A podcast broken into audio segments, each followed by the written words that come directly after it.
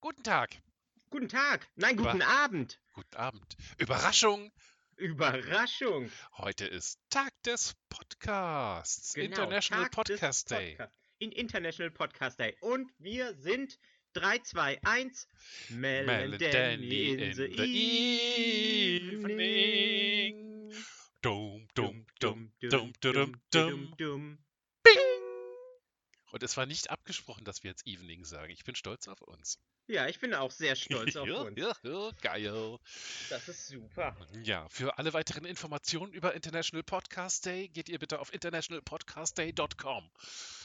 Nicht gesponsert. Oder, oder folgt dem Hashtag International Hashtag, ja. Podcast Day. Hashtag not sponsored.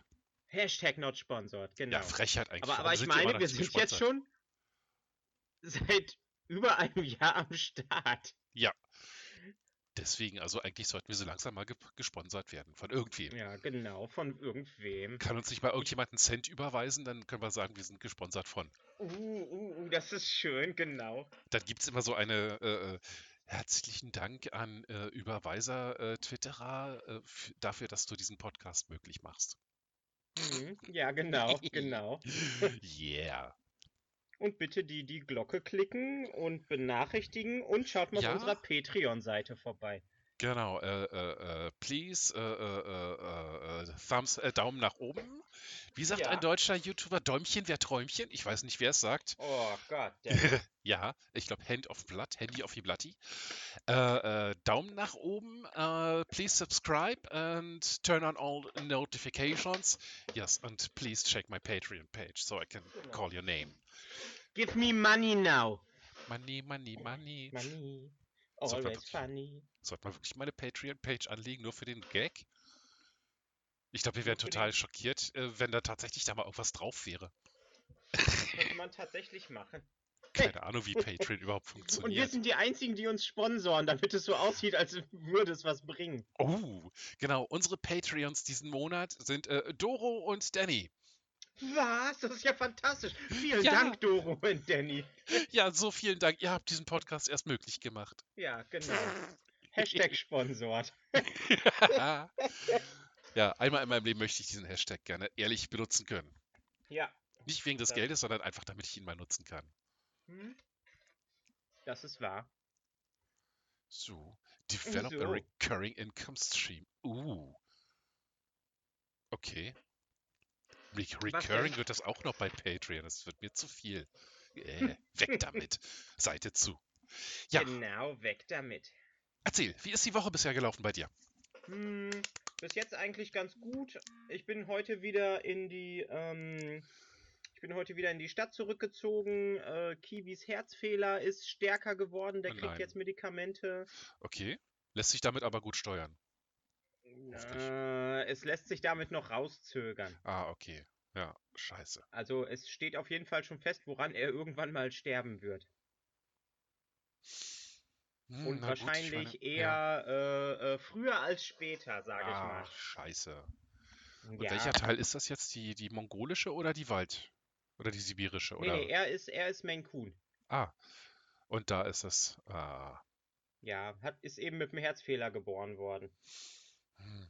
Er hat ein gutes, wenn auch nicht so freies Leben, wie er gerne hätte. ja, genau. Wenn er dann wie so ein kleiner Raptor die Zäune abtestet. Der kleine Ausbrecherkönig. Ja. Oh, Hauptsache, das macht er dann nicht in deiner, äh, in der Stadt, dann in, in der Wohnung, dass er den ganzen Balkon immer abtigert. Obwohl, nee, da liegt, da ist er eher immer so, ist er zwar draußen, aber doch gerne bei den Schildkröten, oder? ja, ja, ja, genau, genau. Nee, da ist alles okay. Äh, wir können das Ganze natürlich auch ein bisschen umformulieren.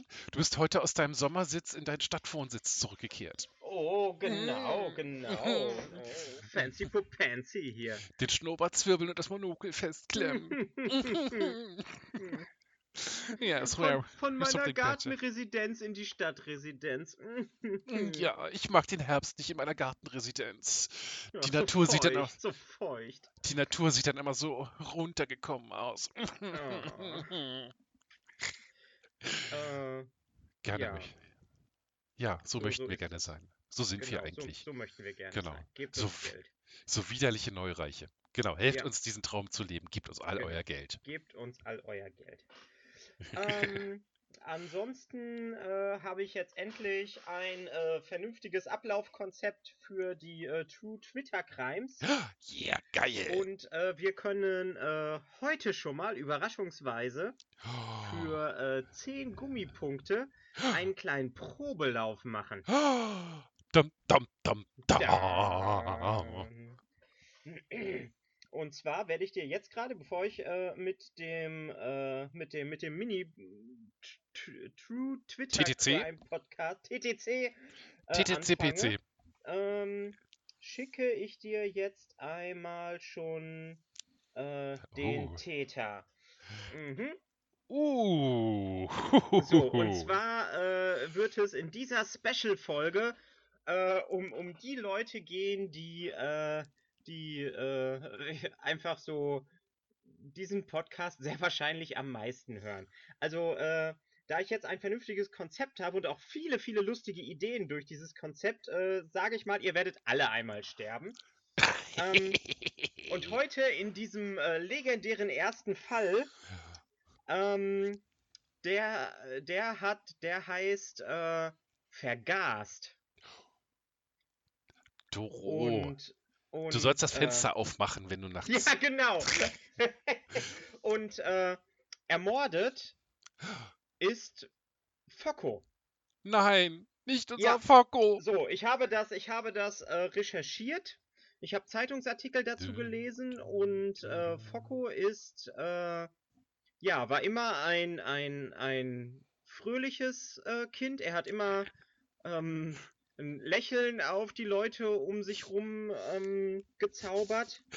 Und, ähm, was ist los? Er muss noch ein wenig an seiner Aufmerksamkeit und seine, an seiner Ordnung im Schulranzen arbeiten.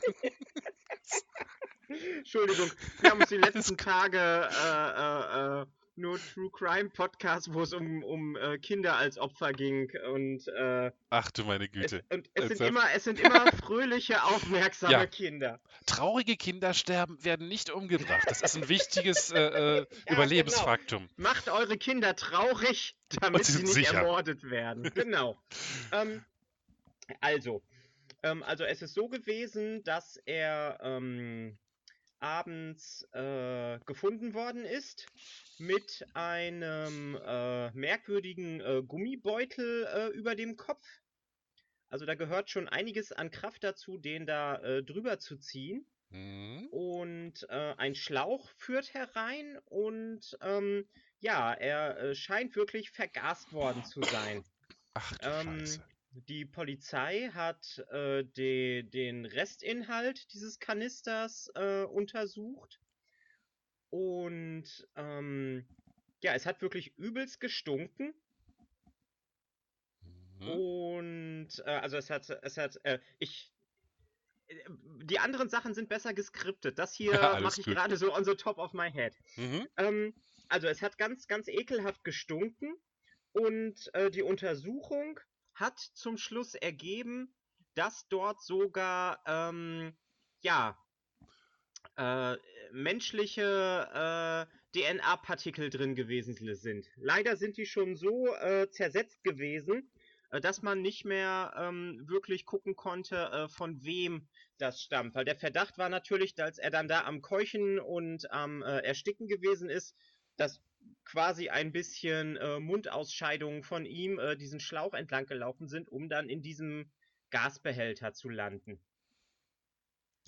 Aber Ja. man kann es halt nicht sagen, ob es jetzt seine waren oder die des Täters. Ja, genau. Äh, ferner hat er Mhm. quasi alles äh, weggeatmet, also dass man kaum noch irgendetwas äh, von, äh, von, von, von diesem, in Anführungsstrichen, Gas finden konnte. Mhm. Ähm, ja, es ist nur, als die Polizisten es dann, ähm, oder als dieser Kanister weiter untersucht worden ist, hat man natürlich auch eine Geruchsprobe gemacht und es hat äh, widerlich gestunken.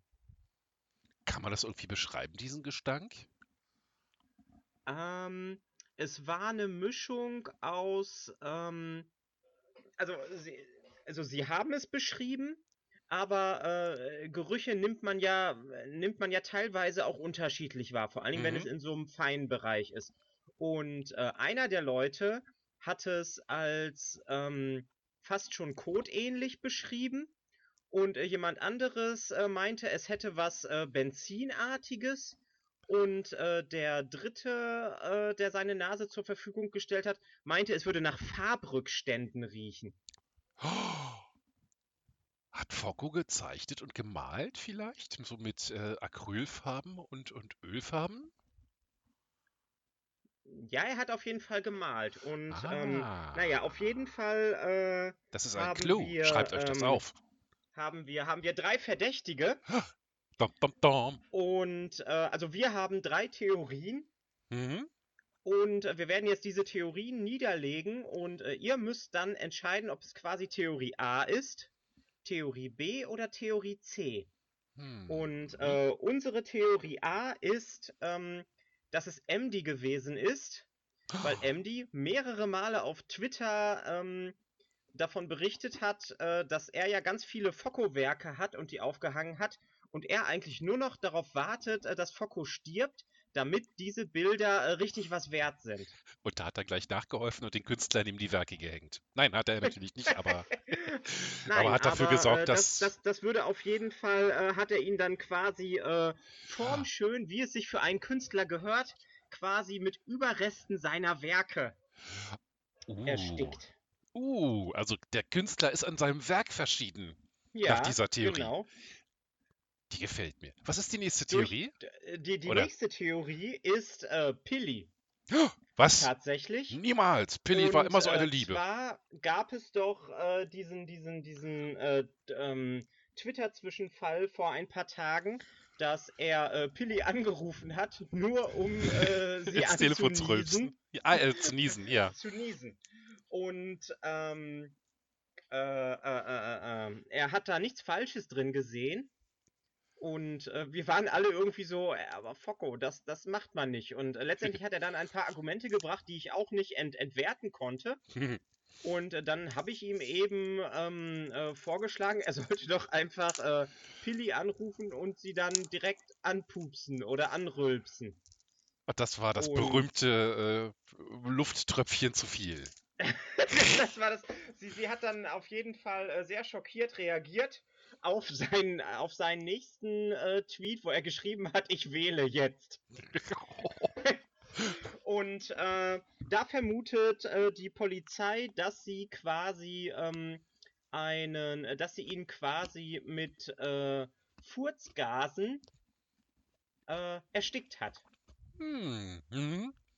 Abgesehen davon, dass, äh, dass Pilli immer so. Sie war immer so eine Liebe, das kann man sich gar nicht Ja, das- vorstellen. ich dass weiß, Leute solche Abgründe haben, um die Nachbarn das, zu das ist zitieren. sowieso immer das Schöne in diesem True Crime Podcast. Äh, wir werden hier die, die Abgründe, die Mhm. tiefen, tiefen Abgründe äh, der Leute äh, erforschen. So. Und zwar führt uns das zu Theorie C, State. State. äh, State ist, hat, als wir das angekündigt haben, dass wir das machen wollten, hat State gesagt, er ist der Mörder. Mhm. Und äh, äh, wir können, glaube ich, in Zukunft jeden dieser Mordfälle auf State zurückführen. Uh. Und äh, dieses Mal ähm, sieht es tatsächlich so aus, ähm, also wir können anhand von Tweets nachweisen, dass äh, Focko ihm über eine Kontaktperson ein Bild geschickt hat. Oh. So, das heißt, äh, Focko ist der Einzige, der jemals dichter an State rangekommen ist, als wir alle zusammen. An States geheime Identität. An States geheime Identität. Und vielleicht war ihm das nicht mal bewusst, dass er State versehentlich fast aufgedeckt hätte oder aufgedeckt hat. Ja, er hat ihm ja ein Bild geschickt, also es Mhm. ist ihm schon äh, äh, klar gewesen. Und äh, es wird einfach vermutet, dass State äh, die, äh, den, äh, den, den Hass von oder, oder da- das Mordmotiv von MD und Pilly genommen hat und äh, hat dann quasi ähm, ja, äh, Focko für sich getötet. Einfach um sicher zu sein, dass niemand jemals weiß, dass, dass State eigentlich in Hamburg weiß, wohnt. dass, äh, äh, dass das State, ähm, ja, das State tatsächlich äh, erreichbar ist. Oder ein Ja. echter Mensch. Ein echter Mensch. Und keine künstliche Intelligenz. Ja, das war unser äh, Mini-Twitter True Crime, TTC.